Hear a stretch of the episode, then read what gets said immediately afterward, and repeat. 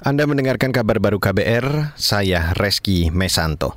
Saudara Menteri Koordinator Bidang Kemaritiman dan Investasi Luhut Binsar Panjaitan kembali mengungkit ketidaksetujuannya terhadap operasi tangkap tangan OTT oleh Komisi Pemberantasan Korupsi KPK. Luhut mengklaim perlu sistem lain agar OTT tidak terjadi lagi seperti yang dilakukan negara-negara maju. Bukan soal berani tidak berani nangkap OTT, ya apa membuat OTT OTT itu saya kira bagus tapi kan kalau terus-terus begitu, kita jadi nanti negara apa kita dibilang orang. Ini negara katanya hebat, tapi masih OTT. Kenapa? Berarti sistem kita tidak baik. Menko Marves Luhut Binsar Panjaitan menilai kebijakan OTT KPK bagus tetapi keliru. Menurutnya Indonesia sebagai negara yang hebat dan bermartabat harusnya mengedepankan sistem dan digitalisasi bukan lewat operasi tangkap tangan. Luhut menambahkan praktik korupsi bisa diminimalisir karena otomatis terblokir oleh sistem yang dibangun jika menggunakan digitalisasi.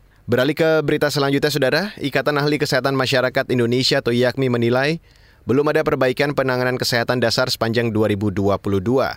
Menurut Ketua Umum IAKMI, Ede Surya Darmawan, penanganan kesehatan di periode kedua Presiden Joko Widodo belum menguatkan preventif promotif seperti membangun kesadaran bersama terkait perilaku hidup bersih dan sehat atau PHBS, Akibatnya angka stunting hingga prevalensi perokok muda di Indonesia masih tinggi. Rumah tangga Indonesia itu belanja pertamanya atau sekitar 14 sampai 19 persen itu adalah untuk beli beras gitu ya. Nah belanja keduanya itu untuk beli rokok. Gitu. Itu keterlaluan.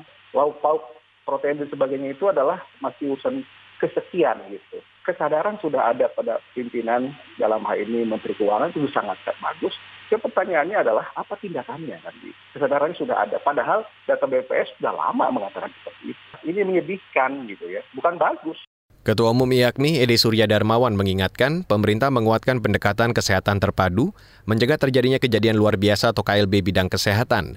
Edi juga mendorong pemerintah meningkatkan kemandirian pelayanan kesehatan seperti obat, alat kesehatan, hingga vaksin. Saudara Komisioner Tinggi PBB untuk pengungsi, UNHCR mengapresiasi tindakan kemanusiaan pemerintah Indonesia yang bersedia menampung 200-an pengungsi Rohingya usai terombang-ambing di laut selama satu bulan. Dalam pernyataannya, UNHCR menyebut Tindakan kemanusiaan Indonesia ini membantu menyelamatkan nyawa manusia dari kematian pengungsi Rohingya.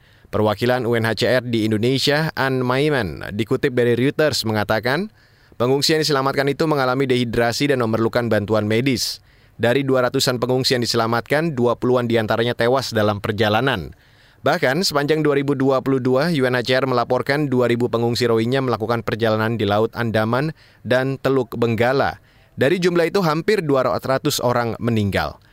Dan saudara, demikian kabar baru saya Reski Mesanto.